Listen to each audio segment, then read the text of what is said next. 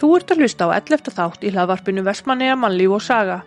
Þættirni byrtast á hverju fymtudegi á eia.net og einni á helstu hlaðvarpsveitum. Hægt er að fylgjast með okkur á Facebook og Instagram. Í dag munum við ræða við Víðir Reynisson um líf hans og störf.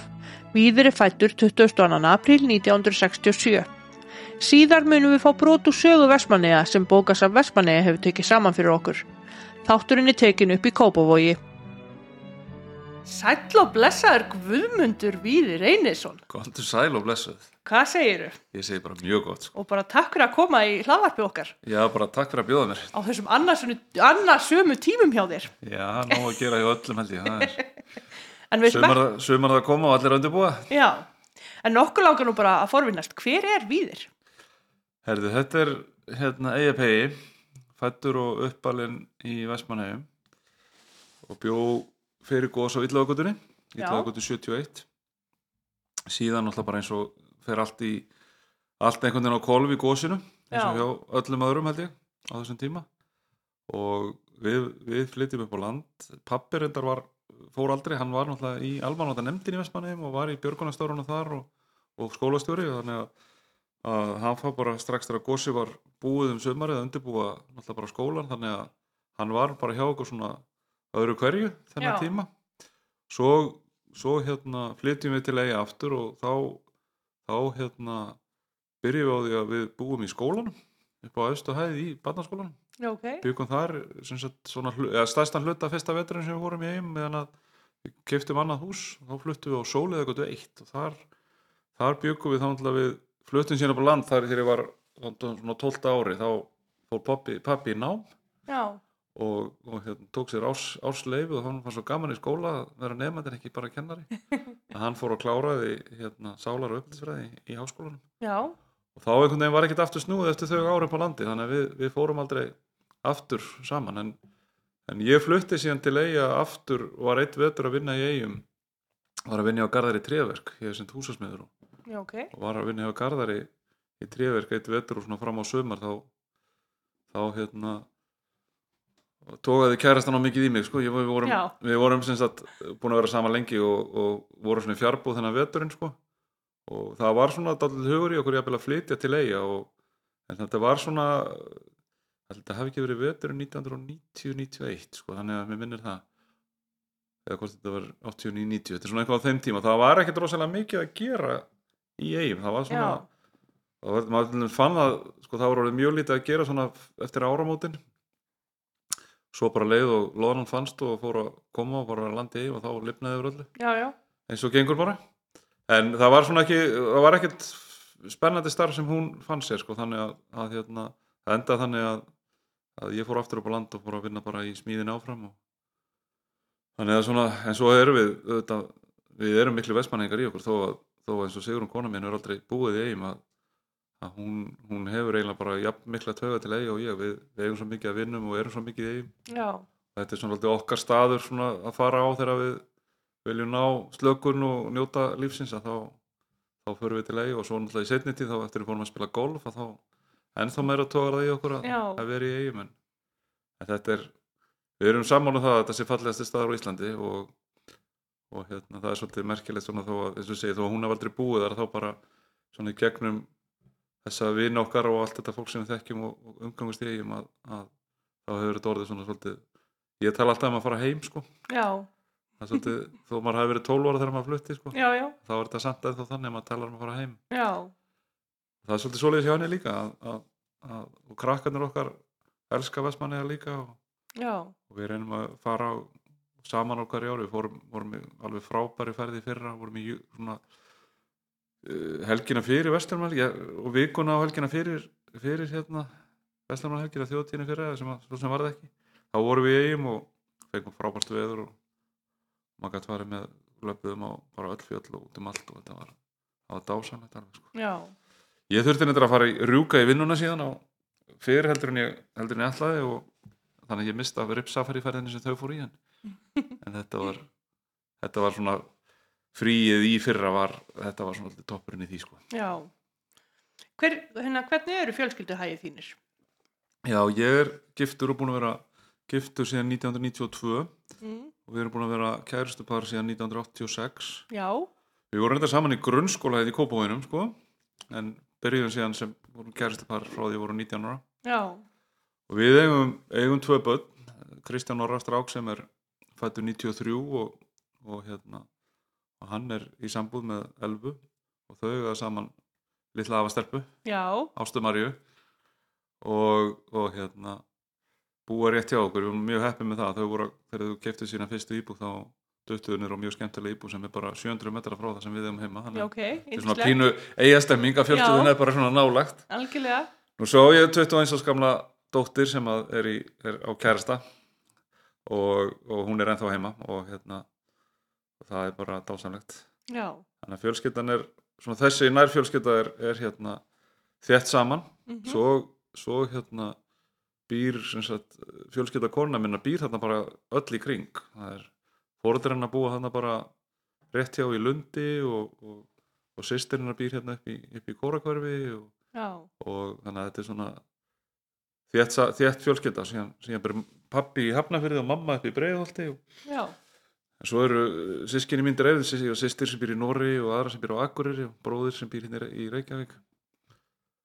Og hérna svo er svona eins og segir svona fjölskyldan er, er dreifð síðan hingað og þangað. Já, það er orðið mjög lítið að fjölskyldun eftir í eigin svona að, já, maður ánáttúrulega svona aðeins fjarskildari frænda og frængur í eigin já, en það er svona það er orðið minna af. Var svona bróður hans pappa var svona síðasti úr nærfjölskyldunni sem, að, sem þegar hann flutti frá eigin fyrir nokkur, nokkur það er þetta verið mörg ár síðan. Já, en, en hérna tengslinn liggja öll einhvern veginn í gegnum eigin samt sko. já, það er bara þannig. Getur hugsaður að flytja til eiga í dag? já, ég get alveg gert það. Já, og ég fara að finna hús, já, ég skal segja það við erum bara mér leiðast alveg, mér leiðist alveg ferlega mikið að skoða fasteinulýsingar ég bara, þegar við keiftum húsi sem við búum í núna þá, þá vorum við, byggum við í, í kjallarum hjá Tengdó í þetta tíu mánuði, 11 mánuði með vorum að leita og ég var alveg búin að fá ógeða fasteinulýsingar en ég skoða alltaf fasteinulýsingar í eigum það blundar alltaf í mér að kaupa mér kaupa mér hús í eigum eða Já. íbúðið það og við vorum, við vorum hérna svona næstum því búin að íta á, á sendnappin að sækjum saumarhúsalóð upp í ofaleiti og þar. Svo bara einhvern veginn gugnuðum við á því og, og, en við erum alltaf svona með huga við að, Mm. að ef við myndum fá okkur saumarhús eða, eða íbúð til þess að hafa þá væri það eigum hverja kannast það já, og það tókar alltaf meira og meira í mann að, að segir, við erum alltaf að skoða og já, maður er alltaf að vel- spá að spöglurar sko. já, þannig að það er aldrei að vita, það er aldrei að vita sko. svo, svo hérna bara sér maður til sko. en, en okkur langar allavega mjög mikið að eiga svona gott afdreip í eigum já, en hvernig var að alast upp í eigum? Það var mjög gott sko. það var, ég er náttúrulega bara maður sá það bara þegar maður kom síðan 12 óra í bæinn sko, þú veist, auðvitað var, var maður, þegar maður er hérna í bænum þá var hann kannski var maður mest einhvern veginn í fótbolta og eitthvað svoleiðis, en í eigin var þetta svo miklu fjölbarittar, sko, þú veist, maður var að þvælast nýr á bryggju og fylgjast með skipunum maður var auðvitað í fótbolta mikið og, og svoleiðis, en svo var maður líka þú veist, einhvað bara þvælast út í hraun, mér varst alveg hrikalega gaman að vera þvælast út á, út á hraunni Mm. og hérna, ek ekkert endilega það sem að það sem að voru svona einhverju slóðar eða vegir sko, heldur bara að príla og klifra og þvælast um hraunið og, og það tókaði eitthvað mikið í mig á þeim tíma sko, mér fannst það alltaf svona skemmtilegi dagar svo, svo var bara að vera að leika í hverfinu, ég bjó náttúrulega eftir gósið upp í upp á sjólaugagötu og það upp í skeifunni var náttúrulega mjög mikið líf og fjör og mikið að krökkum á þessu svæði og, já, og hérna mikið fjör á kvöldin sko þannig að þetta var, var eiginlega bara alveg ferlega svona jákvætt og gott að og svona ég, þegar ég verið að hugsa tilbaka sko þá er svona þetta frelsi einhvern veginn sem að sem að hérna er svona svolítið í minningunni að maður bara fór út á mótnana og maður var bara einhvern veginn út allan daginn og svoleiði sko. Já, svo er eitt sem að mér fannst ég var eitthvað að rifið upp með krökkunum mínum um daginn að, að hérna, mér fannst, eitt sem mér fannst merkilegt hvað maður byrjar ungur að vinna í eigum sko. Já, Komast í úlingavinnuna í Reykjavík var, ég man líka hvað krakkar og gamlega þegar ég fá það en, en þú veist, ég var tíu ára þegar ég byrjaði í úlingavinnunni í eigum sko. og það var að því að það þurfti náttúrulega krakkana til þess að vinna í eigum og leiðu á orðin sko 14 ára þá veistu vinna í fiski sko. já, já, þannig að þú veist 10 til 14 þá var maður bara í þessu sem að kannski unglingarnir eru hér í bænum. Maður telst nú alla unglingur 10 ára. En þú veist þá voru við bara þá var, hálf, var maður að vinna halvan daginn já, 5.000 skall fyrir vikuna. Já, já, og, og raka grjót og tína rusl og já, snirta, snirta umhverfið sitt og hérna það var líka bara skemmtilegt. Já, ég var mynd mjög hissa hérna, frænka mín var mynd að fara í úlingavinnuna í fyrra og hún var að vera 15 sko. Mm, og ég hugsaði tilbaka og ég var ábygglega bara 10-11 ára þegar ég fór í úlingavinnuna þegar svo fór ég að vinna sko bara á veitingasta þegar ég var 12 ára sko, bara Þetta 12 var- tíma vöktum. Já, þetta var náttúrulega bara þannig að sko leið og krakka voru orðin svona þokkalega stálpaðir að þá náttúrulega var svo mikið að gera í alls konar Já, í kringu fiskin að þau fengu all vinni því þannig að við sem vorum yngri já, við fengum, fengum úlingavinnuna í staðinn sko. einmitt. Þannig að ég að þetta var svona á þeim tíma, jafnvel sko 12 óra krakkar sérstaklega kannski svona strákáðnur og svona þokkalega hávaksnir sko, þá, þá fengu þeir fyrir vinnu en, en það voru 14 ára voru allir krakkar sem vildu gáttu Já, fengið já. vinni fiski sko. einmitt Þannig að já,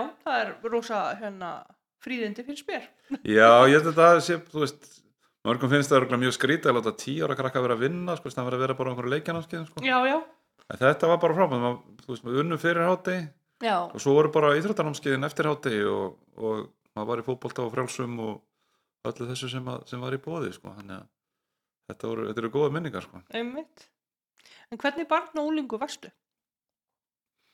ég held ég bara verið frekar, frekar rólegur, ég var náttúrulega örgulega orkumikil sko, því eins og segi maður einhvern veginn var mikið á ferðinni og, og gætt verið í þú veist maður fór á hérna, námskeið frjálsar og, og fótbolta handbolta á vetunar og, og hérna samt var maður einhvern veginn að, að hamast allan daginn, en ég sé að það verið frekar orkumikil krakki. Já, Mér finnst líka reyndar alveg rosalega gaman að lesa. Já, þannig að svona tókaðast ára glá þessi svona lestarhestur sem ég var. Ég var sko mjög snemma læs og, og las mjög mikið og hafði mjög gaman að lesa og bara upp eftir öllum aldrei og hefur gaman að því ennþá en, en, en sko ég gleift alveg með heilu bækunar sko mjög hratt og mjög fljótur að lesa. Þannig að, að ég hugsa að þetta svona hafi bæði hafi verið daldið geta alveg verið fyrirgangur í mér sko svona hluta dagsins svo hvarfi ég örglega bara inn í bækunar líka Já. hluta dagsins sko þannig að, að hérna, það hefði þurft að aðtökast í andaði sko.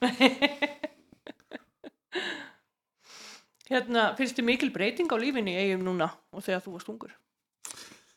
Já, það er það, þetta er náttúrulega það sem að sko, samt, ég man alveg eftir tímanum eftir gósi þegar það var mjög, mikið að ferðamannum Mm -hmm.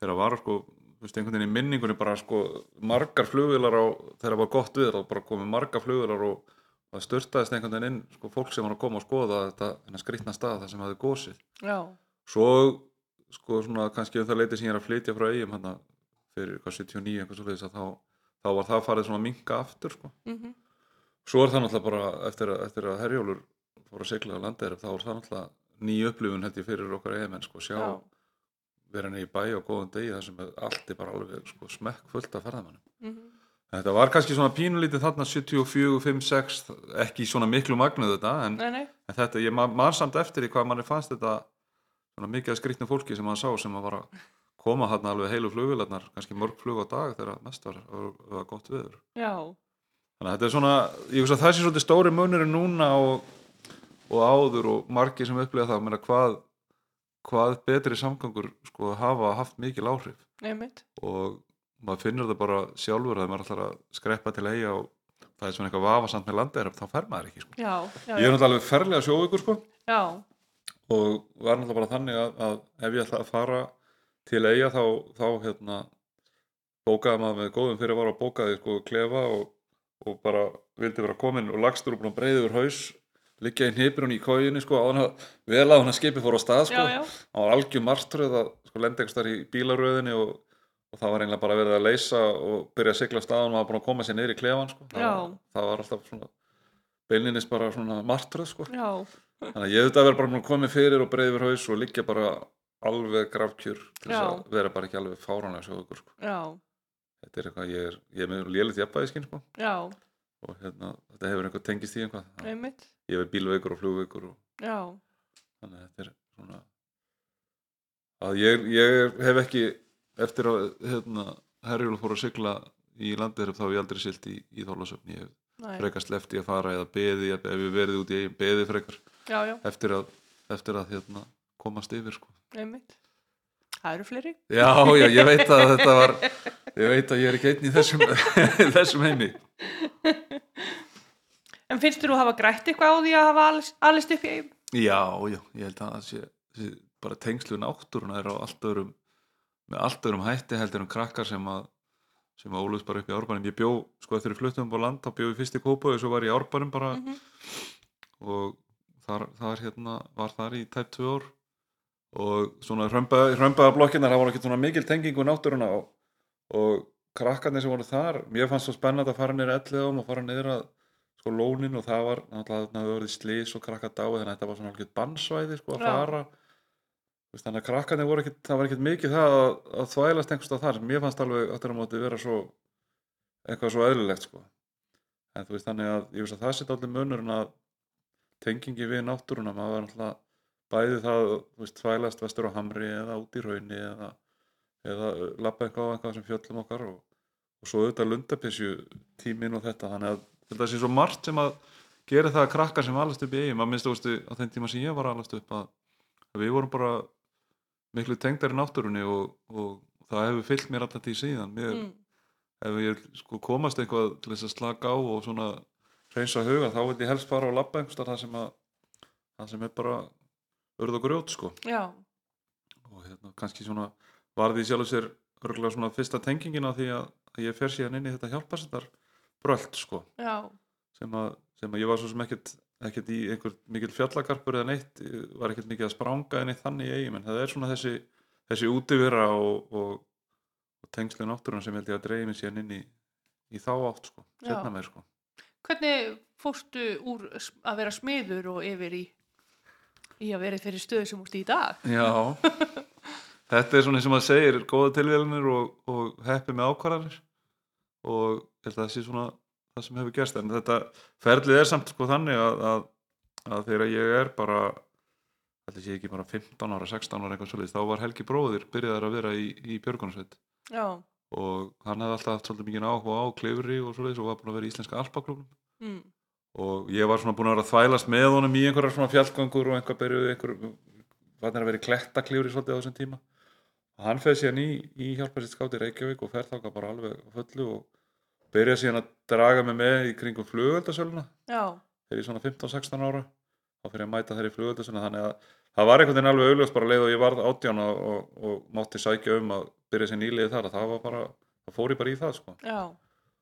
Og, og hérna, það svona tóka mig að staðinu þennan heim og mér fannst, fannst þetta margt mjög skemmtilegt og síðan svona leiði það einhvern tíman að, ég tek þátt stí, svona hérna var eitt skiptið af mörgum sem ég var eitthvað búin að slasa með eitthvað ég, var, ég er svona hrakvaldabólkur og, og það var hérna, ég held að það verið að verið bara í februar veðrinu 91 já, sem, að, sem var þannig að þá hafði ég smá fyndi sagði, kannski eru ekki sagt það svona oft en það er sem þannig ég kláraði sveinsprófið í húsasmíðinni þarna í, í, í janúar 91 og eitt. Af því sem var hægt að gera í sveinsprófinu var þar að maður hægt að brýna sporjón og síðan sem sagt þegar þegar búið er að dæma allir þessi prófstikkin þá fæði maður bara símtala sér og maður hafi náð og mm -hmm. þetta sé allt saman í góðu lagi og maður geti komið og sótt þarna dótið sitt og meðal annars sporjotn einhvern stiga síðan þið smíðað og einhvað drast setja þetta bara einhverja bungu og setja sporjotn á hana og lifta þessu upp og þá rúlar sporjotn út af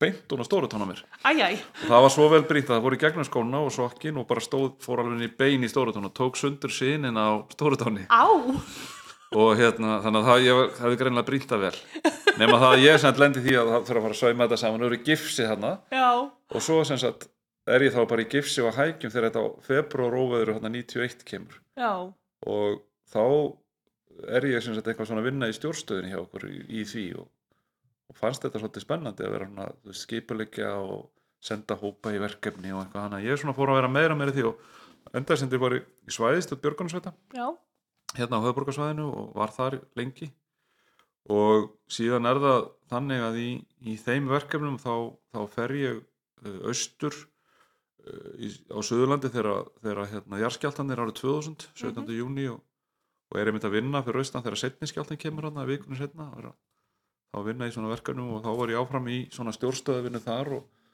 þetta var einhvern veginn svolítið þarna var ég svolítið búin að finna fjölinu mín í þessu björgunarstastarfi, ég er búin að vera veist, bæði að leita og búin að kenna, fó- var einn af þeim sem, að, sem sagt, fóru og lærði svona sérhæða leitatakni og leit, innleiti það mhm, breyttu skipula í leitina hérna, leitarhækir hérna heima. Og þá fór ég líka að horfa á svona á þessi skipulagsmál hvað þau skiptur umverulega miklu máli, þetta var ekki bara að fara út og leita heldur þetta gera það með skipluðum hætti og Einmitt. setja rétta fólki á réttu staðina og þannig og þetta þróaðist í það og, og, og síðan þarna í kjölfarað jarðskjáltana 2000 og þá að þá hefur sambandið með Solveig Þorvaldsdóttir sem er frangotastjóri Almanna ríkisins á þessum tíma og, og hérna byggðum mig um að koma í smá verkefni tengd um svona úrvinnsla á jarðskjáltanum og ég fór með henn á nokkra fundi og, og fannst þá, ég sá að þarna var eitthvað sem var alveg ótrúlega spennandi, ég hefði svo sem ekkert almannavarnir voru einhvern veginn ekkert fyrir mér eitthvað neitt sérstaklega spennandi þarna. Þetta var einhvern veginn, ég hefði ekkert kynnt mér þetta almennilega, ég var svona búin að fara á einhvern námski hjá þeim og eitthvað. Já. En svo sé ég þarna að Solveig er að vinna þarna ákveðan hluti og þarna er líka hérna, félagið minn úr svæðistjóðinni mitt að vinna Átni Birgisson. Og mér fannst þetta alltaf spennandi þannig að ég var svona, þetta var svona bara auka að vinna nokkuð verkefni í kringum þessa úrvinnsla sem jarðskjáltum og svo er bara er auðlist staða hjá þeim. Mm. að þá sem er þessi, hérna Átni Birgisson félagið minn, hann, hann er, á, er að fara í önnu verkefni og starfið hans er auðlist og ég sótt um það bara svona og, hérna fekk starfið. Já. þannig að ég byrja samt að vinna hjá almannavörnum að haustið haustið 2000 og, og er síðan bara hjá þeim og síðan er kerfinu breytt 2003 og þá eru almannavörnir flutta til ríkislaugastur og ég fluttist bara með þangað. Held ég sjálf sér bara áfram að vinna í sömu verkefnunum og var þar og, og, og er síðan síðan er það 2006 að að hérna að ég fæði þá hugmynd að, að langaði kannski til þess að læra meira eitthvað í kringum þetta umhverfi sem ég var komin í, þetta var náttúrulega svona lögreglu umhverfi að einhverju leiti þó við varum allt vinna bara alveg sem við höfum alltaf gert í almannavörðum Mhm. þannig að ég á- verðandi færtugur ákvað að skella mér í lögregluskólan Já. og var þar á þeim tíma þetta undan þá til þess að, til þess að hérna, komast inn að það var aldrei stakmörk í skólan og það var ekkit, mann hefði einhverja gamla kalla að gera sko, þannig, að, þannig að ég fekk undan þá og, og sótt um og, og fekk komst inn og komst ekki ennum þreikprófið og var sem betur fyrir ágætis formi þannig að það var svona strempið að komast inn. Að því leitinu til að voru 120 sem að sótt um og þetta verið 36 sem að, sem að fengu yngöngu og þannig að ég var glað með það. Og svo var þetta bara skemmtilegt nám og, og margt skemmtilegt við og líka var starfsnám að hluta til og svona þannig að, að maður fekk svona aðeins insýn inn í, inn í starf lögreglumannsins út á, á götunni og margt sem maður sá og lærði það sem að maður nýtir ennþá Já. svo, svo hérna hafði ég verið, sem var ég að vinna áfram hjá, hjá almannavanda deildinni með skólanum Mhm.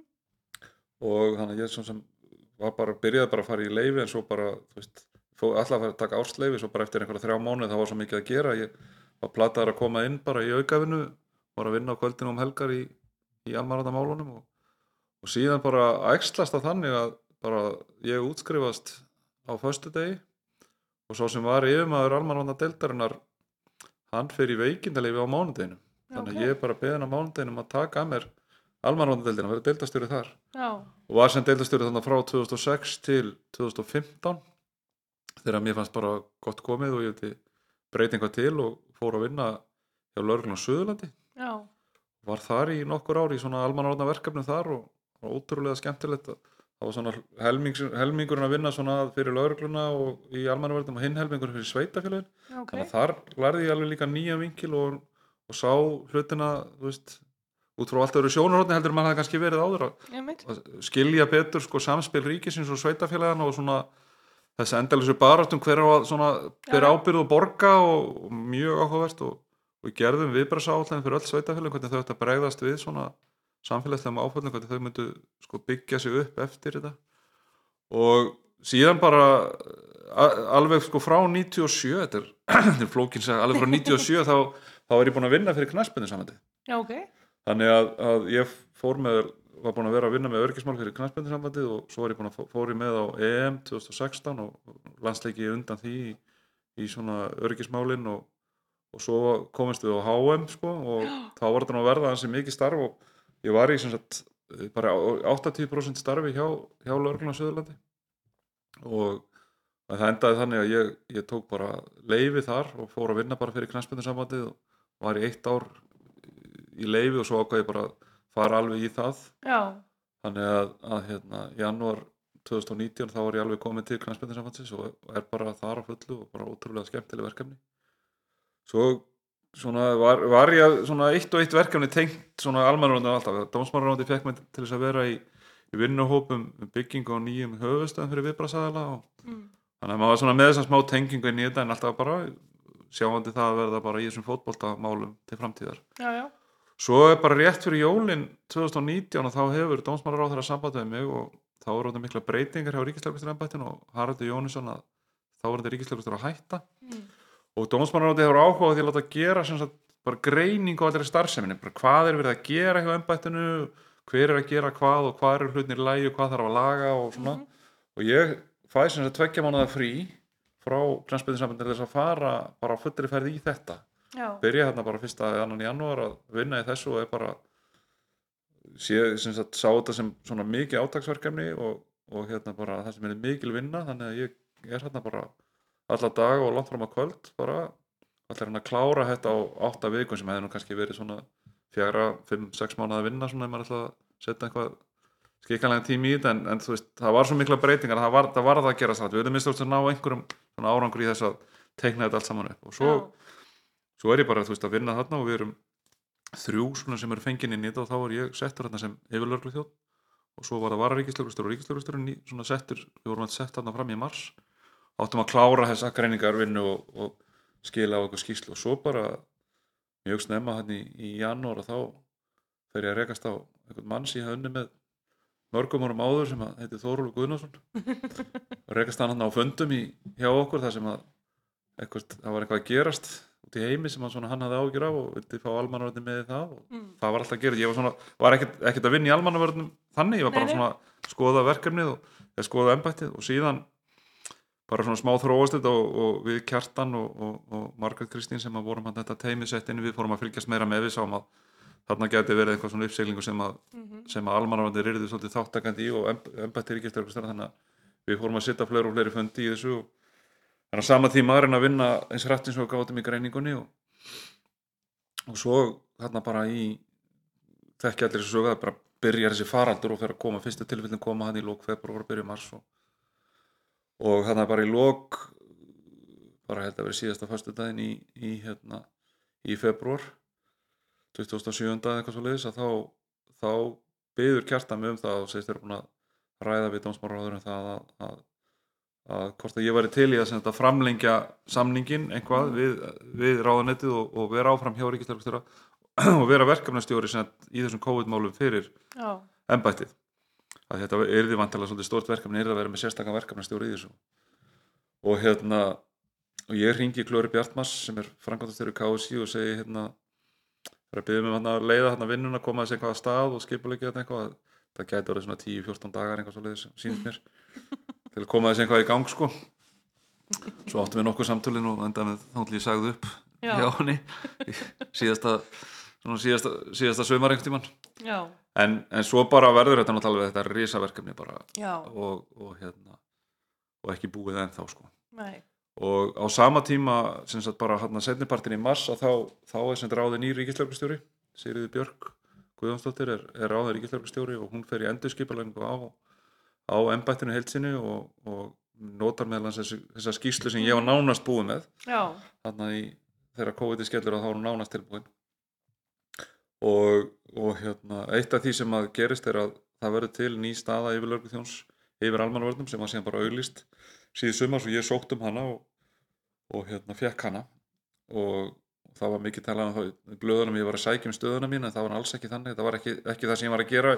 Það var ekki, ekki COVID-ið og heldur svona almannavörðin í hilsinni og náttúrulega ný staða sem var ekki til áður. Já, Og það er svona, þetta, er, þetta var stutta útgáfan að því hvernig ég Já. endaði þessu.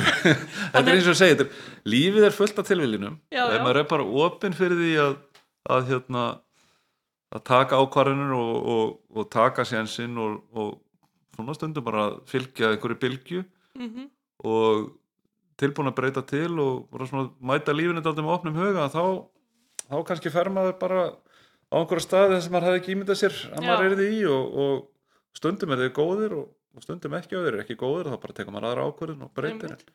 ef ef maður ánaður þá bara stendur maður við ákvörðuna sína og heldur Já. áfram og ég statuð þar í dag, gríða lánaði með þetta endar, ég sá fyrir mig þegar ég sótt um þessa stöðu og var ráðin í hana heldur fyrsta nóvember þá ætlaði ég að fara í þessu endurskipulæningu sem maður hluta af þessum breytingum sem er í embættinu og hluta af því sem kom fram í þessari skýslu sem ég skrifaði skipilagsbreytingar og áherslubreytingar hjá embættinu en ég er ennþá bara fastur í COVID-inu og við erum bara á sama tíma við eldgós á Reykjanesi og gróðurelda og, og guðum að vita hvað að ég held að, eins og segi, ég er búin að vera í vinni almanvarðin mín núna þá í, í rúmlega 20 ár og, og hérna og þekki sögu almanvarðin mjög vel og, og hérna ég held að það hefur aldrei verið þeir tímar í líkingu við þetta sem við erum í, í núna sko, að, og vonandi verði aldrei aftur sko. Já, já, þetta er en, en kerfið, þetta sýnir kannski bara hvað, hvað kerfið er gott sko að, að það snýst ekki um eitthvað, eitthvað fólk sem vinnur hjá einhver, einhverju fyrirbæri sem heitir almanvarðadeild ríkislörgustjóra heldur. Snýst þetta bara um að í öllu samfélaginu er hafa almanvarðin svona síðustu árin svona hafa menn séð að þetta sé skipti miklu máli og það er allstað svona fólk út um all land sem er bara búin að þjálfa sig og leita sér að fræðslu og undirbúa sig og taka þetta í æfingum og gera viðbrasáallanir og gera það verkum að kerfið okkar er sem eiginlega til þess að takast á við svona mörg stór verkefni á sama tíma sko. Við erum við vorum þegar ég byrja að vinna hjá almannadeldinni sko núna í, í fyrra þá vorum við sjö sko svo erum við fljótlega níu. Já, mest í, mest í kringum COVID vorum við eitthvað vel yfir hundrað sko.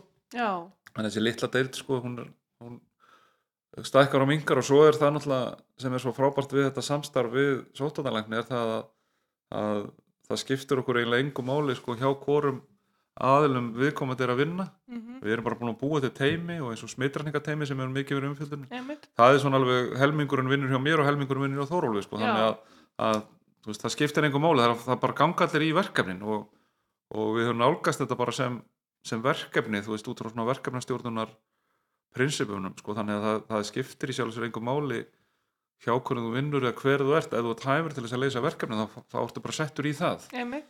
Og, og hérna þarna hafi fullt af fólki sko blómstrað sem að svona einhvern veginn hafi hefði kannski ekki endilega fengið tækifæri á svona nema í tengslu við þetta og það eru þetta jákvæða við svona ótrúlega skrýtnar eins og menn, menn hafa oft notað fordæmislausar aðstæður er það að, að ef að þú sem stjórnend er bara tilbúin að vera líka opinn og ætla, ætla ekki að reyna að halda í alla spottana heldur bara hvetja fólk og svona vögva það og leifa því að Mhm. blómstra þá, þá sér það allir einstaklingar spretta upp og, og framkvæma hluti sem eru bara frábærir og þér hefði aldrei dottið í því og þú er, þú er aldrei náðum árangur ef þú er alltaf að vera sko einhvern veginn í smáatriða stýringu Já. sko það hefur verið sk- sko gríðarlega mikil, mikil hérna, kostur í þessu og ég held að sko við sem höfum verið svona í stjórnendaverkefnunum í þessu, bæði Sigriði Björk sem er minni um það, sem er lift mér algjörlega að blómstra og, og reka þetta verkefni eins og mér finnst best skiptir mjög miklu máli að Já. finna stuðningin en jafnframt bara að finna sjálfstæðið Þórólfur með allt sitt fólk að það er sama þar og Alma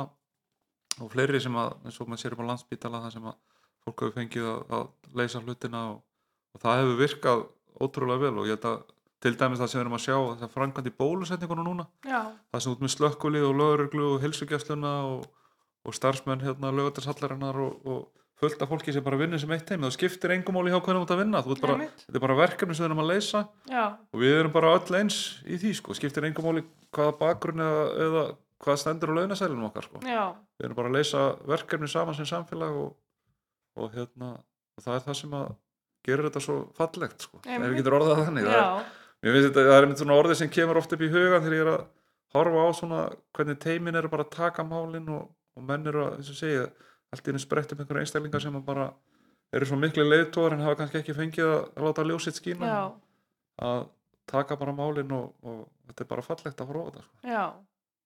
Nei, það er alveg indislegt þegar maður er mynd þegar fólk fær að blómstra og maður það blómstra.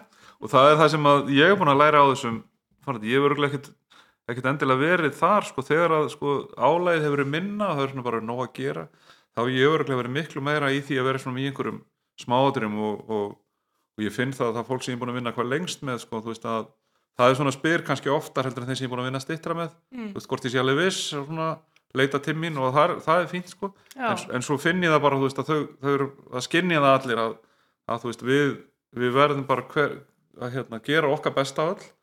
Og, og hérna svo lengi sem við bara treystum hvert öðru til þess að gera það þá, þá náum við á, svona árangurinn sem við erum bara að ná í þessu. En, en ef, þetta ætti að vera þannig að Þórólfur ætti að halda í, halda í alla spotta Já. varandi allt sem tengist þessu hans megin og ég mín megin einhvern veginn og Alma síðan með sitt hlutverk í þessu það, það hefði aldrei gengið nei, Nei, aldrei nokkuð tíma og það er, það er einna bara eitt af því góða við þetta er það hvað, hvað hefur komið að þessu verkefni mikið að ótrúlega flottu fólki sem að sem bara blómstrar því þið treyst fyrir því sem þeir að gera sko. Já. Færðu mikinn frítíma í augnablikinu? Það er að skána ég er reyndar þannig, ég hef alla tíð unni mikið Já. og það er einhvern veginn, mér er aldrei fundist það neitt mál ég, ég var einmitt sko þegar ég var að, að hugsa og núna að hugsa þetta tilbaka sko frá því ég var smiður til dæmis þegar ég var að vinna ég var að vinna hérna í bænum að byggja blokkir Mm. Ég var alltaf fyrstu til að bjóðast til þess að vera lengur þegar þú veist að við, þá daginn voru við að slá upp mótum Einmitt. og svo var bara þú veist í loku vinnundagsins þá þurftu bara tveir að vera eftir til þess að steipa og Mm. ég bauðist yfirleitt alltaf, var alltaf til í það að taka það og, og vera frammettur og steipa og, og hérna og vinna langa vinnudag er eitthvað sem ég hef gert held ég bara alla æfi og það er kannski bara grunnurinn úr úlingavinnunni eigin, maður byrja tíu ára að vinna og svo var ég í sveit í mörg ár og það það er ekkert að vinna til einhverju klukku það er bara, þú veist, var gert það sem þetta gera og, og stundum vakna maður snemma og stundum sá maður eitthvað aðeins lengur og stundum fór maður snemma og stundum ekki og stundum var maður rosalega dölur og stundum var maður rosalega latur og, en þú veist, það var einhvern veginn samt bara alltaf, þurfti alltaf að vera að Já. og þannig ég hef allatíð unnið verið, hérna, unnið langa, langa vinnudaga og þannig að svona mitt þrek í því var var mjög gott sko og, var, var mjög, mjög gott alveg þannig að ég vektist í, í haust sko. Finna, það er svona mesti munur sem finna mér eftir, eftir COVID sko, að hafa veikst þarna í, í, í nóvambur það er svona starfstreykið er, er ekki það sama, kannski er það bara skynsalegt að vinna ekki svona langa daga Já, já. en, en það er svona þannig að maður, maður alla daga er maður eitthvað að kíkja á þetta maður er eitthvað aðeins að gera og ég tók mér tíu daga frí um daginn og það voru nokkuð margir dagar þar sem ég sko kíkti ekkert á tölvpostin sko. Já. en, en hérna og það er náttúrulega Hvernig bara var svo tilfinning? það var góð bara sko. Já, já. já, og ég, ég fann það bara sko að hvað ég var miklu orka mér þegar ég kom tilbaka og hvað ég, ég var hann alveg rosalega eitthvað þreyttur og klemdur í hausnum þarna áður en ég fór í fríið og, og hérna hvernig ég bara mér líður miklu betur og er allt annar þetta hefur, þetta svona á, a, andlega álæga líka svolítið í þessu sko að, að, að hérna maður svona ver, það sem gerist sko í því þegar maður verður þreyttur og, og þá styttist ráður þá verður maður að pyrra við samstarfsfólki sitt verður að pyrra við fjölskylduna sína og svona maður verður bara leiðinlegur sko. Og svo líka það sem er hættulegst í þessu að maður, sko, maður fyrir að detta niður svona rörsín maður fyrir að horfa einhvern veginn á hlutin alltaf þrengra og þrengra og þrengra sjá þetta einhvern veginn bara út frá sínu geta ekki sett sér í spórannara Mm það er svo vond í þessu að, að vera þannig þannig að Já. ég þurfti, þurfti frí og, og fekk mjög gott backup frá Sigriði Björk ríkislörgustjóra og hún fann bara menn í að leysa mig af sem að voru samstagsmenn mínir til margra ára sem að Mhm. tóku bara boltan og, og ég, það var ekki ringt í mig í tíu daga þannig að, þannig að hérna, svo var bara voru við komin í það að, aftur á svona eins og Bilge var að fara að staða þarna í, í mánaðamótin uh, mars og april og, og þá ég, ég, ég maður heyrði alveg fréttunum og vissi þá alveg hvað var að gerast þannig að manni leið heldur ekkert vel að vera Nei. vitandi á öllum að, alveg á kolvi sko, þannig að mér fannst bara fínt að koma tilbaka þá og, og, og hérna og svo sem alveg hafði verið gýraður ég að vera lengur í frí en ég hef, þú veist, þarna bara komin ég fann, fann tíminn, ég var búinn að ná orku og, og hérna, en á saman tíma sá að það var álægið og mitt fólk var aukast þannig að ég vildi stíga inn og stiða það og það er bara gekk vel sko Já. Og er góðu skilningur í fjölskyldunni? Já, ég geti þetta náttúrulega ekki á þess sko. Nei, það er náttúrulega, kona mín náttúrulega er alveg einstök sko Já. hún grýpur alltaf alla, alla bolta sem að, sem að snúa að, að, að fjölskyldinu og heimilinu og, og hérna og þetta er svona uh, eins og ég segi sko, það er svo dölið oft sko þegar maður, maður gæti alveg fara að taka þetta svona sem sjálfgefið sko. Mm. en ég fór í bakari í morgun sko. Ég held að þetta sé fyrsta skipti sem ég fyrir maturubúð bara í ég held bara nánast frá þetta byrjaði sko. Já. það er verið að tala um að fara í, mat, að fara í bakari sem maturubúð en ég hef ekki farið, ég hef ekki veslaði matinn hjá okkur sko síðan að þessi hasar byrjaði sko. Og, og hérna hún einhvern veginn heldur öll á floti og, og, og hérna passar upp á mig líka. Ég fari ekki fram með mér og, og, og hérna síðan alltaf krakkandi mínir eru náttúrulega alveg frábær bæði. Og hérna hafa eru líka að passa upp á pappa sinn sko. Já. strákur minn er læknir sko. Já. þannig að hann er líka, ég fæ alveg símtöl sko þar sem að ég- mér er það er svona reskis aðeins og segir pappa sínum síðan aðeins til syndana sko. Þegar hann finnst að vera að fara fram á sér. Já. það er búið notalegt. Það er búið gott að finna það að fólk er að passa, passa upp á mann. Einmitt. og hérna þannig að það er, það er bara maður gæti þetta ekki án, þess að, að hafa góða fjölskyldu og, og, en ég, ég get bara rétt ímynda með hvað, hvað þetta reynir ofta á þau líka sko. og svo líka þessi svona þessi aðtigli sem maður hefur fyllt þessu líka sko. hefur verið örgulega skrítin fyrir þau sko, að, að hérna og maður er einhvern veginn svona farin að stíga svona öðru sér til að maður, ég var svona alveg ágætlega virkur á Facebook og svona áður sko, nú passa maður sér miklu meira á því að hvað maður setur þar og, því að það er náttúrulega skilið í allar á, mér skilið í allar átti líka en, já, já, en bara svona myndir og annað eins ég er nánast alveg hættur að setja eitthvað inn þar sko, því að já, það er svona dregur bæði jákvæða líka, en líka neikvæða aðtekli að, að fólki sko, þannig að maður svona, vill ekki láta aðra gjalda fyrir það að, að hérna, svona þá neikvæða aðtekli sem að fylgir nei, einmitt. Stórin svona heimsfrægur á Íslandi? Já, já, það er, auðvitað, hefur hjálpað til við, við verkefnið og það er auðvitað, var alveg meðvitað hjá okkur þremur sko að, að við, við fórum svona all in sko þarna í, í byrjun þegar þetta sáum það að við erum svona andlit verkefni sem svolítið, Mhm. þá líka vorum við öll á því að, veist, að fólk þyrfti þá að vita hverju við værum sko. já, já, og við vorum náttúrulega ekkert okkar eitthvað þekkt fyrir eða einhver vissi, veist, fáur vissi hverju við vorum þannig að, að við opnum alltaf mikið svona á okkur í viðtölum, persónum viðtölum og alls konar málum bara líka að því að sko, við þurftum að þurftum á því að halda að fólk triði á því hvað við værum sko, við, það sem við varum að segja væri eitthvað viti í því og þurftum að fá alltaf með okkur. Já, og það gerur held ég ekki svona á þess að bara opna þig bara alveg sko. Og hleypa fólki alveg bara að þér en, en síðan auðvitað sko það var lengi til að byrja með ekkert mál en svona, svo fóru auðvitað svona að koma aðeins neikvæðin í kringum það líka og, já, já, og hérna þannig að það er svona aðeins breytt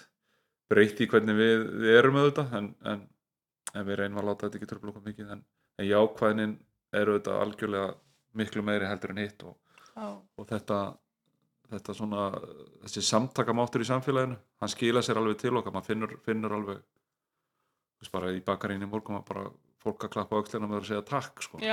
veist, þannig að maður finnur það alveg það, að samfélagið skilur alveg hvað, hvað það var og, og, og ég segi alltaf tilbaka þegar fólk segir bara, er að þakka mig fyrir eitthvað, segi alltaf sömu leiðis vegna þess að, að við gerðum þetta allt saman og, og þó að við höfum svona lagt einhverja línu, komið einhverja hugmyndir að þá hvernig fólk framkvæmdi hvernig fólk passaði sig og, og, og hvað margir lögðu rosalega mikið á sig til þess að taka þátt í þessu. Að það er það sem að skila árangrinum. Það er, við eigum bara pínlítið brota því. Það er Já. bara samfélagið í heilsinni síndi bara hvað í því býr sko.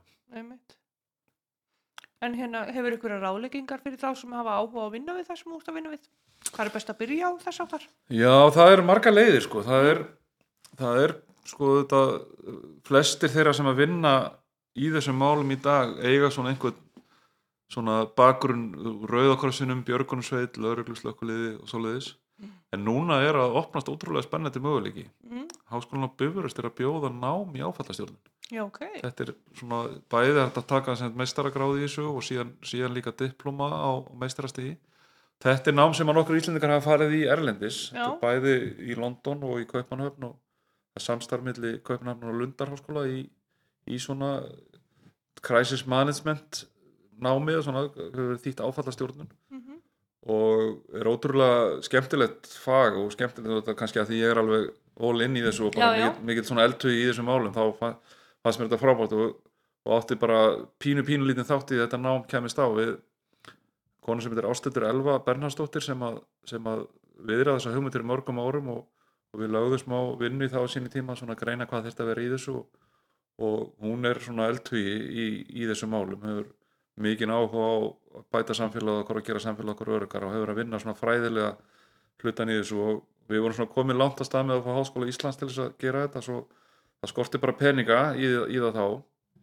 Síðan kemur þessi hugmynd aftur upp núna og, og Háskóla Byrjus tekur þetta. Það er þetta þannig að námi kostar þá náttúrulega dálítið mikið en flest stjættafélög er að styrkja í þetta þannig að mér heyrist vera mikil ásókn í þetta en svona það sem ég heyri er sem sagt fólk er mitt úr þessum geira lögreglu slökkulið, björgunarsveitum og rauðgrásinum en, en fólk sem er kannski ekki endilega þar sem er svona er, að- er að horfa á þetta út frá jafnvel svona hérna, fræðilegum hlutum eins og fólk sem er í hefur verið í sálfræði eða í félagsfræði og, -hmm.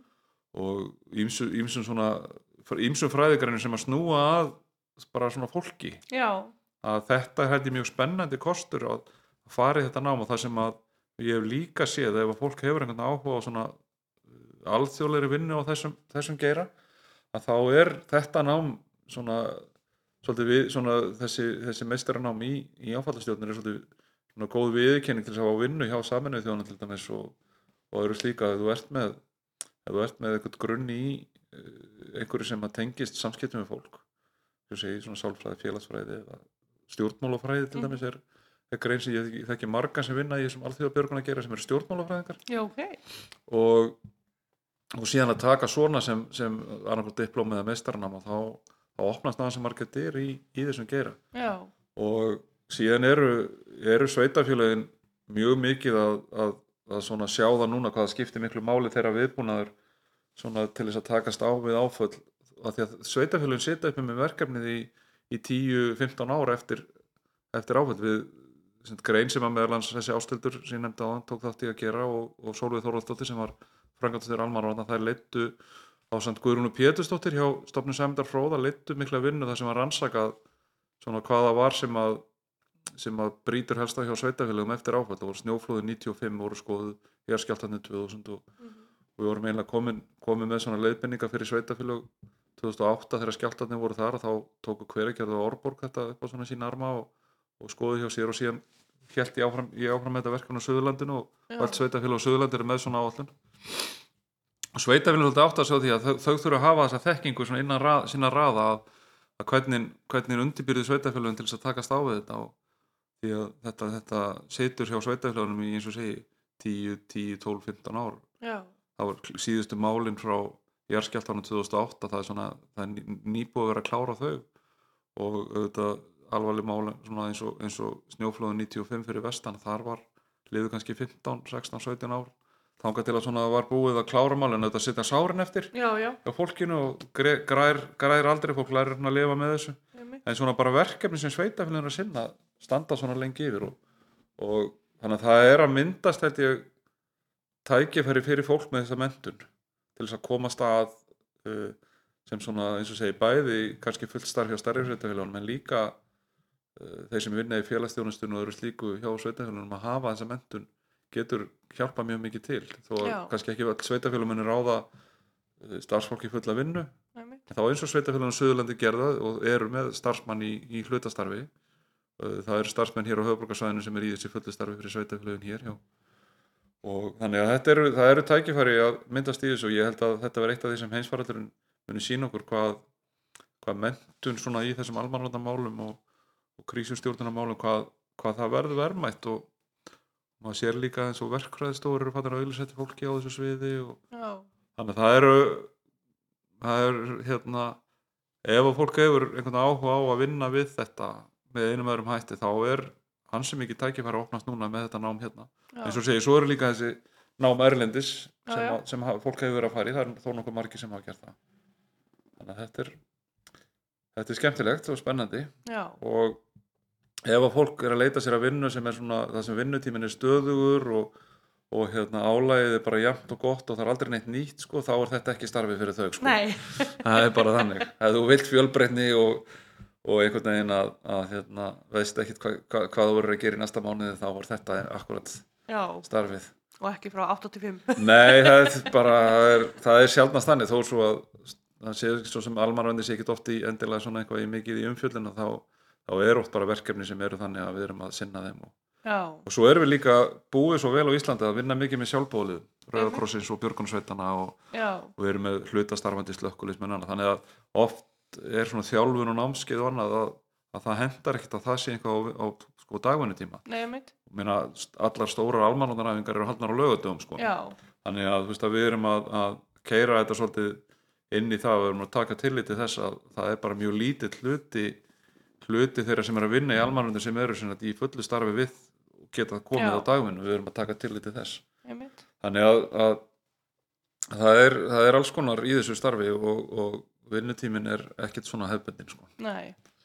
En við erum líka að reyna að passa að sko brenna ekki upp það er, Já, já. Það er stór hlut af okkar svona viðbúnað er það að, að starffólki sem er vinnu við þetta að, að það hefði aðgangað sem það komast í handleyslu hjá sálfræðingum og öðru slíku að, og við erum öll svona þokkulega duglega við það já, við erum líka sko pössum okkur því að læra og stúdira það sem að svona snýra svona félagastöðningi og, og halda skipulega viðranir og reynum að, að ræða málinn og reynsa út þegar þarf og já, fólk fá að hérna, við þurfum öll að fá að gráta og, Já, og fara yfir málinn og, og það er svo gott í svona hópi sem að það sem að er svona tröst og, mhm, og svona stert heimi að þá, þá verður það líka þannig að, að þegar að álægið er að böga menn að þá, þá vita þeir alveg hvað ég að gera og geta leitað og, og fundið aukslega faðmlaga eða eitthvað slíkt bara sem að hjálpar manni oft bara í næstu skref og, og, síðan auðvitað skiptir í þessu starfi skiptir mjög miklu máli að, að vera með sterka fjölskylda á bakvað sér sem að skilur þetta og, og, og hérna hjálpar til. Því að ég er náttúrulega heppin að þýleitinu til að, að börnum mínur eru vaksin og grassi og þurfa ekkert mikið á mér að halda og, en, en hjá okkur er að vinna fólk sem á lítil börn og, og, já, og hérna og þar, þar standa fjölsky, stendur fjölskyldan þétt á bakvið við. Erum með allavega þrjár konur að vinna hjá okkur sem eru með til til ungböld þar hafa eiginmennin náttúrulega verið alveg magnaðir. Og, og hérna því að þegar þær fari vinnun á mótnana þá, þá er hérna veit það ekkert hvernig dagurum verður eða hvernig að koma heim eða slíkt sko. og ég, veist, ég er 54 og ég er á þessari kynslu þar sem að sko, er, var, það var þannig að, að konan var náttúrulega að grípa og gera þetta, já, já, sjá um heimilið og þannig að það er svo frábært að sjá, sjá svona yngri yngra fólk heldur maður er sjálfur að, að þetta sé, sé ekkert endilega þannig að það sé kallið sem geti tekið að sér ábæra mikla vinn og unnið allan daginn og fram á kvöld þegar þar heldur, heldur geti konun að gera það líka það Já. er bara afskaplega jákvæð þróun og já, ég vona að, hérna, að við þorfið sér jafnvægt að breytast líka hjá, hjá minni kynslu með þetta sko. að, meira svona jafnrétti í já, þú veist, bara í, í verki ekki bara, ekki bara á tillitu sko, þú veist, að það sé raunverulega þannig og, og ég, ég finnst það svolítið við erum alls ekkert komin, komin hérna og fann að tala um allt annað sko, en, en svona jafn, jafnbreytismál sko. mér finnst við eiga daldið langt í land með ennþá því að, því að það er ennþá daldið þannig að, að það maður þarf að passa upp á það sko, að eins og launamálin og annað slíkt sé, sé rétt sko. það er einhvern veginn ennþá, ennþá þannig að kallar eru miklu svona ákveðnari að byggja um launahækkanir og, Mhm, og fara í gegnum alltaf að segja ég er búin með þetta námskeið þá ég að fá eitt flokk og eitthvað. Já, mér veist maður ennþá þurfa að passa miklu meira upp á það að, að konur sé að fá þau laun sem þau eiga að fá og það sé jafnræði milli kalla og einmitt. Ég einhvern veginn þú veist, mér finnst að vera mín skildamist veist, að, að reyna að gera það sem ég get gert í, í því og ég finn það alveg núna með, með svona hérna, þennan vinnist það sér á núna þar, þar er þessi hugsun alltaf mikið. Við erum þetta með konu sem yfirmann mhm, og við erum að vinna ýmsum málum í jafnbreytismálum hjá embættinu og lögreglan hefur á hérna, það- við getum sagt að það sé, sé tölvöð svigrum til bætinga já, innan lögreglunar og, og hérna sem betur fyrir eru við eru komna konur í áhrifastöður innan eru margir lögreglustjóra konur og það sem er líka að mér finnst að þeir karlar sem eru í, í lögreglunni mhm, og lögreglustjóru og yfirmenn í lögreglunni það er, orðið, það er að verða breyting hjá okkur með það að, að menn er að sjá mikilvægi þessar hluta þó að konur séu þá í talsveit miklu minnur hluta í já. lögreglunni sem slíkri þá er það að batna og það er, er að skána starfsöngur okkar og, og hérna, þessi MeToo mál til dæmis sem hafa verið það hefur haft mikil áhrifin á lögreglunar og vonandi heldur það áfram að fá, við þurfum að fá þessi mál upp á yfirborðið, við þurfum að fá konur til að segja frá við erum að, erum að heyra ljóta sögur af, af misbeitingu sko milli samstarfsfélaga. Mhm, og við þurfum að laga þetta, þurfum að breyta þessu og þurfum að búa til umhverf þar sem að þær konur sem lenda í slíku uh, finni tröst, tröstan stað finni einhvern sem það treysta fyrir. Já, og við getum brugðist með, með ábyrgum og skynsalegum hætti við, við svona málum. Og það sé ekki þannig að eins og hefur verið allt og algengt og í langa tíma fólk fyrir bara svona harka þetta af sér einhvern veginn og vinna áfram með jafnvel geranda sem hefur farið yfir, yfir mörkin sko. þannig að það eru hjá lögreglunni mikið mörg tækifæri í, í, í því sko, eins og segi sem að nota ekki sterkar orð, orð en það þessi svigurum til úrbúta já, já, einmitt. En svona að þér aftur. Hvað gerir þú til gamans? Ég, ég finnst svona að hitta fjölskyldun og vini skemmtilegt. Ég, ég hérna, ég finnst alveg eins og var í gær, þá, kom strákurinn og með hérna, dótti sína með sér og við vorum bara að leika okkur eitthvað, fórum í pottinn og, mm. bara fýblast eitthvað, mér finnst það alveg dásamlegt mér finnst mjög gaman að fara út að labba Mm. ég reynum að fara út að labba á hverjum degi og konan og búin alltaf í fósvarsdalnum þannig að það er nú bara maður bara labbar yfir eina götu þá er maður bara komin inn í náttúrupörlina sem að fósvars og ellega dalurinn er sko og maður bara ég getur labba út með sjónum eða inn í skóin upp í ellega dal eða þannig að það er bara stutt að fara til þess að svona komast, komast á góðan stað. Já, mér finnst afskaplega gaman að spila golf. Ég fór í gerkvöldu að spila smá golf. Ertu nýbyrjar í golfi?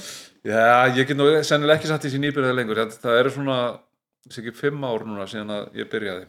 Já, en ég, pappi spilaði golfi í já, og ég man alveg eftir mér að fara nokkuð sem með hann á golfvöllin og ég var mjög, mjög ungur þegar ég egnaði svona fyrstu golfkjölunar og fór nokkur sem út á völl að, að, hérna, að spila golf þar sko. En svona það er svona fimm ár síðan ég fór ein- einhver, einhver alveg í þetta og ég það var svona fyrst af þetta að ég sá þetta bara eins og með pappa sko, þú veist, hann var í golfin mamma ekki sko, það Mm. fara fjóri-fimm klukktímar í þetta og þetta er svona gæða stund sko en, en að vera ekki með maka sinn með sér sko, fannst Mm. mér einhvern veginn vera alveg glata já, þannig að sko það er eiginlega bara kona mín byrjaði fyrir þremur já, þá eiginlega fórum við á fullt í þetta og við eins og fyrra sumar sko þá voru það ég reyndi að gera mjög mikið þó voru mikið að gera í vinnunni að komast á minnstakosti út á golföll nokkur sinnum í viku. Já, og við erum í vinkonur okkar, við spilum fjögur mjög mikið saman mhm, frængur sem að spila mikið með okkur.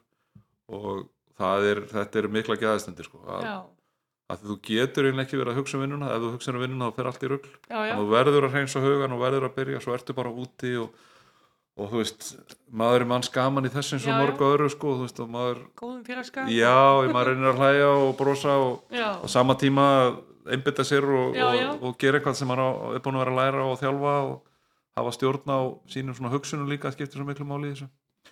Þannig að þetta er svona vin, vinirnir, eh, fjölskyldan og, og golfið það er svona það sem að það sem maður gerir svona til þess að til þess að glæðjast já, og hérna og svo auðvitað er svona bónus í þessu ef maður, ef maður kemst eins og til eiga hitta vinina að spila golf og mm, við erum bara líka vinið þar sem að maður er fann að spila golf með sko. Já, já, þannig að það er, það er svona kostur líka sko.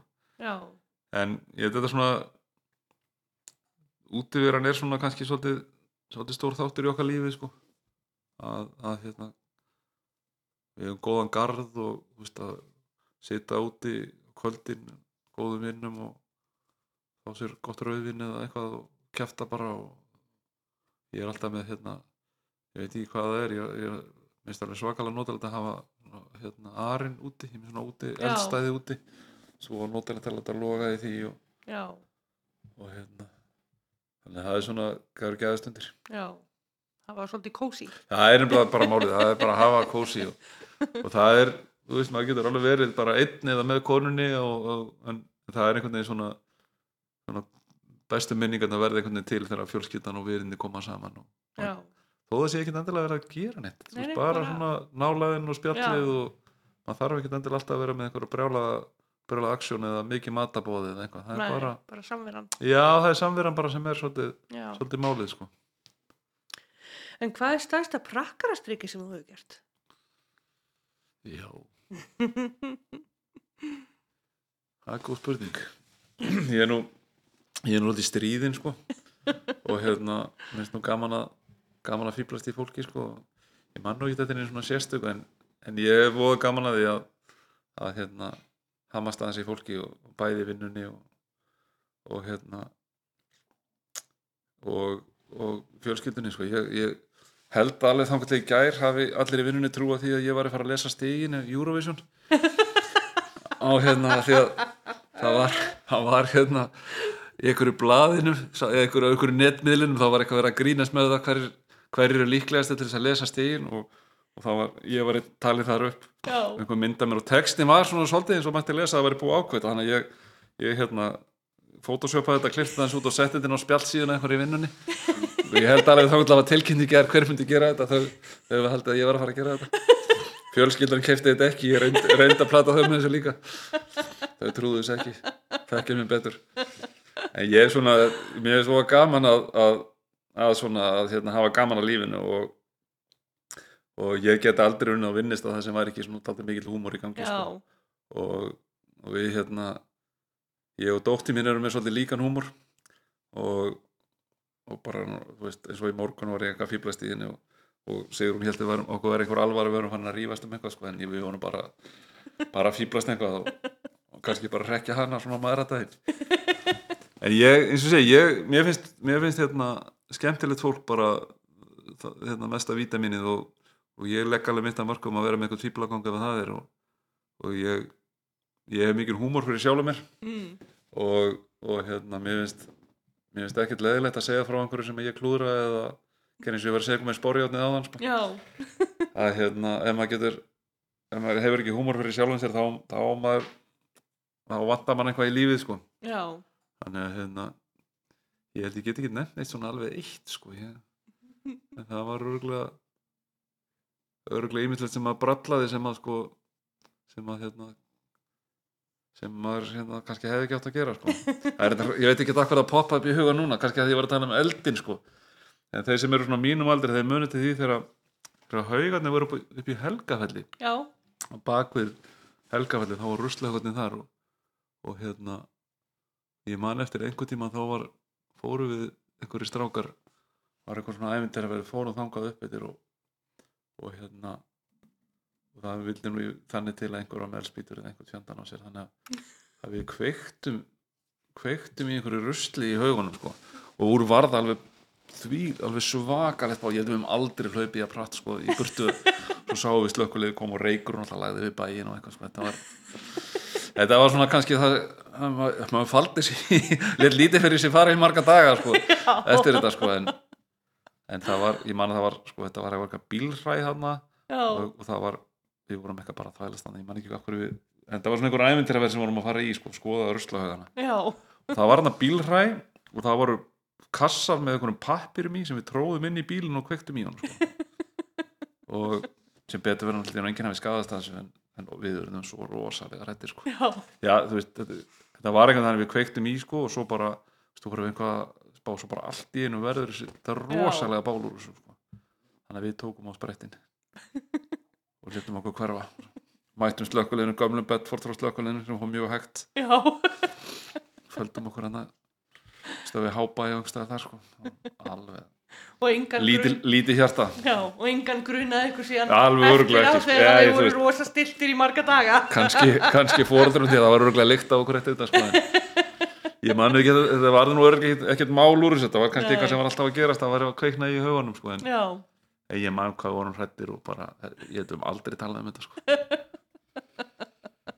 En, Já, já, maður var svona alveg þokkalega upp á saman en já, það sem maður svona það sem maður, hérna, maður vona bara en maður veit samt sko, það er, það er eitt svona við að vera svona uppátækja samar og hafa gaman að því að stríða og rekja það er alltaf einhver sem maður leið fyrir ekki alltaf, stundum líður einhver fyrir það sko. sérstaklega þegar maður er krakki og þá svona krakkar er pínum viskunarlausir sko. og maður var, maður var kannski allt og, allt og mikið tilbúin í að taka þátt í einhverju rekkjum sem maður svona sér í dag að sko var auðvitað bara einelti sko. Það sem að, það sem að krakkar það var alltaf að vera að rekja sem að krakkana sko. Maður var, alveg þú veist, lendi alveg í því að vera rektur og vera að stríða manni þú veist, en það var, ég lendi aldrei vera, lendi, var aldrei laður í einelti en Nei. aldrei nokkuð tíma, ekki nærrið því sko. Nei, en ég er svona alveg viss um það að, að, að maður tók þátt í því Já, sem kannski ekki endilega alltaf sem aðal gerandi en alveg örglega að því að maður var svona hafði gaman að fýblagangi og gaman að því að, að stríða að þá var maður örglega auðveldur í því að vera þáttakandi í einelti sko. og ég veit, þú veist, ég man alveg eftir nokkur dæmum þar sem maður, þar sem maður hérna, tók þátt í að gera eitthvað sem maður, sem maður hérna, hefði aldrei átt að gera sko. en, en hérna, maður verður bara að læra því og miðla því þá áfram að, að sko, til, til annara að hvað skiptir miklu, miklu máli að vera góð persóna? Já, mitt vera, vera almennileg manneski eins og maður segir sko. maður kannski, það, það er það svona sem maður er lífsmóttáði hjá manni það er að, að maður sjálfur og börnum hans verði bara almennilega manneskur já, og það er stöðugina já. Það má aldrei gleyma sér í því. Algjörlega. Og veist aldrei hvað eru einhverju sem eru viðkami fyrir einhverju þannig að þú lætur einhver fljúa að það er kannski særir eitthvað miklu meira heldur en þeir hefði dottið í hug Einmitt og, hérna, en auðvitað þú veist, veit maður það kannski ekki og, og ætla bara að vera skemmtilegur sko, og Já, já. maður, þú veist, sér þá ofta að fólk er bara að reyna að vera al, almennlega manneskjur með að reyna að vera fyndið og já, sko. já, við En- en sko fara aðeins yfir, kannski yfir strikið sem að þau sjá ekki sko. já, það má heldur ekki gleyma því að, að það er kannski ekki alltaf ætlunin að, að særa fólk illa með því sem fólk gerir en eða svona maður man alveg eftir momentum í, í grunnskóla það sem að það sem var illa að fara með krakka sem að maður hefði kannski átt að vera meiri svona hérna vera hugrakar eldur en maður var og Já. standa upp og segja eitthvað sko, mann er það kannski aðstæðanlegt en ég held að það sé ég dáist að krökkum sem að, sem að maður alveg heyrir um og sér sem standa Já. upp og verja Já. verja skólafélagi sína, verja eitthvað krakka sem þekki ekki neitt sko, já, mitt, sem algjörlega maður hefur alveg heyrt, heyrt um sko, fólk stígur bara fram og finnst þetta að vera nóg já, þannig að svona þegar maður er að þvælast einhverstaðar og labba út eða labba og svona, maður sér krakka vera að leika sér þá svona, það er maður ofta að hlusta. Já, já, hvað er að gerast, en svo veist, hvað, hvernig maður stígur inn eða hvað maður gerir, veit maður ekkert hvort maður gerir neinum gagn eða neitt sko. með mig en allavega maður á ekki að láta svona áreiti og ofbeldi þó það sé ekki ekkert stórt þá maður ekki að láta það maður á að stígin og við þurfum alltaf að gera það. Já neini, maður hefur verið kallaður ímsu nöfnum þegar maður stigi inn í eitthvað Já, já, að- það er það sem að, það, það, er það sem að sko, líka maður getur ímyndað sér bara að krakka, þú veist, 10, 12 eða Já, 14, já. talangi 14, 15, 16, 17 sko, sem að er á viðkvæm aldrei og eru kannski sjálf þú veist, finnst þau verið í viðkvæmri stöðu. Já, að bara vitandi það að vera bara undir radarnum hjá, hjá þeim sem er að rekja að skipti bara öllu máli. Einmitt. Og það þýðir jafnvel það að þú tekur þátt í að gera eitthvað já, þú veist. Af því að ef þú gerir ekki þá allt í nú er farið að horfa á þig sko, hvað er, akkur, akkur er þetta ekki með sko. já já, við erum svolítið hjartýr svona. Við erum það og, við, og, og þú veist það eru bara, það eru fáir krakkar sem eru svo hugrakir að, að standa upp í standa upp í hárun á fjöldanum. Já, það eru ekki mörg, en þau eru miklar hetjur. Einmitt. En ertu með ykkur að sögu fyrir okkur svona úr askunni? Já, ég, það er bara margt svo skemmtilegt sem að sem að gerði sko í Vestmanni það náttúrulega var voru þessi ég var, náttúrulega í svona vinahóp sem var mikið í fótboltanum. Og veist, við vorum að búa okkur til okkur eigin fótboltavelli og það voru mót og það voru allir að vera einhvern veginn miklar hetjur í þessu sko og, og það var, það var bara slétt, þokkalega sléttur graspali þá var þetta búa til sko Wembley úr honum sko. Það að- bara alls, þú veist, ég veit ekki hvað eru margir Wembley velli til í eigum sko það sem að, það sem að menn voru sko hérna ímsu hetjur í fótboltanum en það var, þessi tími bara einhvern veginn er, er þannig að maður bara fór og, og þvældist eitthvað og, og, og hérna maður kynntist líka sko, ég, ég, var, ég er einhvern veginn svona, ég er svona frekar opinn sko, þú veist, þannig að, að ég var fljótur að kynnast öðrum og þú veist, þannig að maður var oft sem maður var í með einhverjum einn dag eins og hann kannski leik maður ekkert meira og þá var marga mánuði sko. já, já, en þú veist bara einhver kom með einhverja skemmtilega hugmynd og þá, þá var það bara að fara með því að framkvæma það sko. já en ég er svona bara að, að þessi ári í Vestmanni hafi, hafi móta mann alveg helling og ge, gefa manni mikið bara og, og þetta, þess að segi svona þessi móral að vera alltaf út að leika að vera Mhm. bara og þú veist það var einhvern veginn ég man aldrei allan á eftir öðröldin og þú veist það hafa allir verið velkomnir ég var svona að hugsa það sko þú veist að þó við værum svolítið svona eftir hverfum náttúrulega að Já, já. En svo áttum maður bekkjabræður sem að byggja út á Hamri eða einhvers stað sko og maður fór þar og þá fengar alveg að vera með í fótbolta þar líka já, þar sem þeir voru eða, eða fara með í einhvað sko, þannig að það var einhvern veginn mér fannst ég aldrei aldrei verið einhvern sem þannig mór alltaf var verið að, að hérna, loka eitthvað úti sko. nei. En svo náttúrulega upplifum maður það í gósinu sko, eins og ég bjó í hveragerði hluta til í, í gósinu sko, þar voru við vestmenni krakkandir svolítið svona krakkandir í hveragerði, þeir, þeim líkaði ekkert alltaf vel við okkur og okkur ekkert alltaf vel við þau sko. Það er svona upplifað með þetta pínu öðru sig að, að þó maður var svo ungur að maður sko, skildi þetta ekkert sko, Nei, nei. 6 ára sko. en þá var samt einhvern veginn myndaðist svona hjá eldri krókunum eitthvað þannig að nei, við erum ekkert að fara að leika við þau og, og við máttum ekkert fara þarna því að þau áttu það svæði. Já. Ég var svolítið svo heppin þar að eiga frændur hann í hveragerði sko, þannig að ég einhvern veginn þvældist þvældist á milli. Já, og þar aftur á móti líka var þetta svona minningarnir frá hveragerði eru þú veist að þvælast í varmáni og vaða og stelast til þess að veiða og og hérna vera einhver starf sem maður mátti ekki vera. Já, já, en, en hérna en það var það er svona allt, allt, allt, allt þessar sögur tengjast einhvern veginn þannig að maður á góða minningar frá því að hafa þvælst eitthvað og gert eitthvað. Já, og það er líka bara, það er ennþá þannig í dag held ég, veist, ef, ef maður hugsa um það að það er svona eitthvað sem að maður gerir með vinnu sínum er, er eitthvað sem að þegar maður rifjar upp árið sko, oft poppar upp eitthvað skemmtilegt sem maður hefur gert með vinnu sínum eða fjölskyldunni og þannig að búið til minningar er það er bara að vinna, maður á að leggja sér fram við það Já, algjörlega. Er eitthvað svo að segja okkur svona í lokin? Nei, bara, mér langar bara hérna veit það ekki, bara bara þakka, þakka fyrir það að fengja allast upp í eigum, fengja að kynnast kynnast eigunum og, og ég tala alltaf um að fara heim Mm og ég upplifa það alltaf þannig líka. Já, að, veist, það er viðmótið sem ég fæ frá fólki mm. að ég sé bara komin heim. Og, og maður, maður er aldrei upplifið sér aldrei sem gest eða þið skiljið hvað ég menna já, Veist að hérna maður kemur á einhverja staði og maður er gestur þar sko, en, en einhvern veginn í eigi með maður bara heima. Og, og það er eitthvað svona eigi andin og, og eitthvað við samfélagið okkar sem gera það að verkum. Og ég veit alveg að veist það eru hérna, bæði bekkja sískinu og aðeins sem, að, sem búa hérna á landi og þetta er svona svolítið umræðan sko, veist, við erum alltaf að fara heim alveg saman hvað við það lengi. Og, og öll upplifum það þó að við sko eigum kannski ekki endilega heimilið þar lengur, eigum ekki fóröldraðar eða eitthvað sem, við, sem er heimilið sem við förum á þá er móttakan og, og samskiptin alltaf aldrei bara eins og maður sé einn af einn af samfélaginu sko. Bara að þakka eigimennu fyrir það. Já. Ertu týrari eða þórari? eigi týrari. Gott með þig.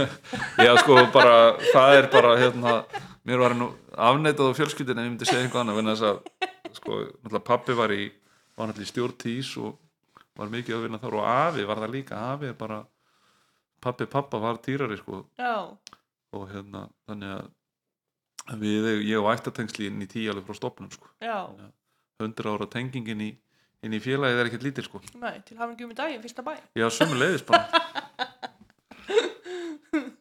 Þetta er Já, þetta er náttúrulega bara einn áhrifaldunum að, að skríti í svona litur samfélagi sko, þegar maður hugsa tilbaka að vera með tvö íþróttafélag og, Já, já, og ég átti náttúrulega vinni í bæði þórar og týrara sko, þannig Já, að já. það var ekkert ég menna, það var aldrei neitt vandamál þó maður var að spila við keppa móti bekkjabræðunum sínum eða, eða eitthvað slíkt sko, það var og vinnum bara besti vinnir svo stimmi Gísla besti vinnir minn, hann var þórari sko, og, og hérna, við vorum í markinu ykkur megin á vellinum sko. Aldrei, þannig að við tókust aldrei á sko. nei, nei, en, en þetta er, þetta er já já, þetta er bara þetta var sko, við, ef maður, maður hugsaði tilbaka þá bara hvað var vel að þessu íþróttastarfi staði sko, þessi námskeið og, og endalust, þú veist, þó, við varum á þeim tíma ekkert að fara bara á land að spila sem einhverjur einhverju peyjar sko, þú veist, en, það var endalist verið að setja upp leiki og spila einhvern vestmanni Já. mót og alls konar mót og inni og úti og, og alltaf eitthvað verið að reyna að gera í kringum þetta og hafa skemmtilega daga og Mhm. og maður með þú veist, skemmtilega þjálfara Snorri Rúts þjálfaði Já. mig og, og Biggi Sveins þjálfaði mig einhvern tímann og, og fleiri maður maður eftir þú veist þegar Áskei Sigurvinsson kom heim og var með æfingu og, og svona að þetta var þetta var skemmtilegt. Og með við það að þú veist að þú veist, við vorum alltaf bara að keppa við Þór að já, það var ekkert vera, þú veist, ekkert eins og í dag sem, hefur verið að halda einhver sjálfmót eða Já, já. þú veist, fara upp á Skaga og Akurur eða ekki, það var, var aldrei neitt svoleiðis. En bara, maður mann fann samt að maður vera endalust að keppa í fólkla sko. og vorum alltaf að spila bara við sömu strákana sko. já, já, Já, það tröflaði mann ekki neitt. Nei, og þá vorum við náttúrulega, sko, þú sér þegar við erum allavega, 9 og 10 ára að spila 11 manna bolta á stóra malavellinum sko. já, það var alltaf mikið sem þetta að hlaupa þá fyrir lilla fætur sko. algjörlega, það er annað og betur í dag samt. Já, já, já, en maður er týrari, það er á hreinu. Já, ána með það, ekkert hlutlaus. en ég bara þakkaði kellega fyrir að koma og spjalla við okkur og hérna, við kannski fáum að hóa í þig eitthvað tíðan setna í framtíðinni, bara endilega, þetta er bara skemmtilegt taka púlsinn á þér, hvað er Gaman. að gerast þá? gaman að rifja upp ymbislegt þarna sem að margt sem að ég hef hugsað hugsa um lengi tengt eigunum sem að Já, kemur upp í hugan gaman Já. að því, takk kellega. takk Nú ætla ég að lesa stuttan pistil um knattspinnufélagi Týr. Í tilefni á 100 ára ammali félagsins 1. mæ síðastliðin. Þetta sögubrót er í bóði bókasaps Vestmanneia. Hægt er að afla sér nánari upplýsinga um efni sögubrótsins á heimasló.is. Knattspinnufélagi Týr fagnaði 100 ára ammali þann 1. mæ síðastliðin. Knaspindufélagi Týr var stopnað 1. mæ 1921 í Fögrun Kvammi í Ovaleitisraunni. Voru stopnendu félagsins 45 talsins og voru næri því allir innan við tvítugt. Meðal stopnenda voru Páll Skeving, Jóhann Gunnar Ólafsson, Binni í Gröf, Gísli Jóði Jónsson, Ísleikur Jónsson, Einar Sigursson og Fridrik Gesson. Týr var til í töðru hallari og ósegri í formannakjöri. Aðdraðandina stopnintís var sá að árið 1920 voru bæði Þór og Knaspunufélag Vestmanneja, KVF, ítlastöld fjárhagslega.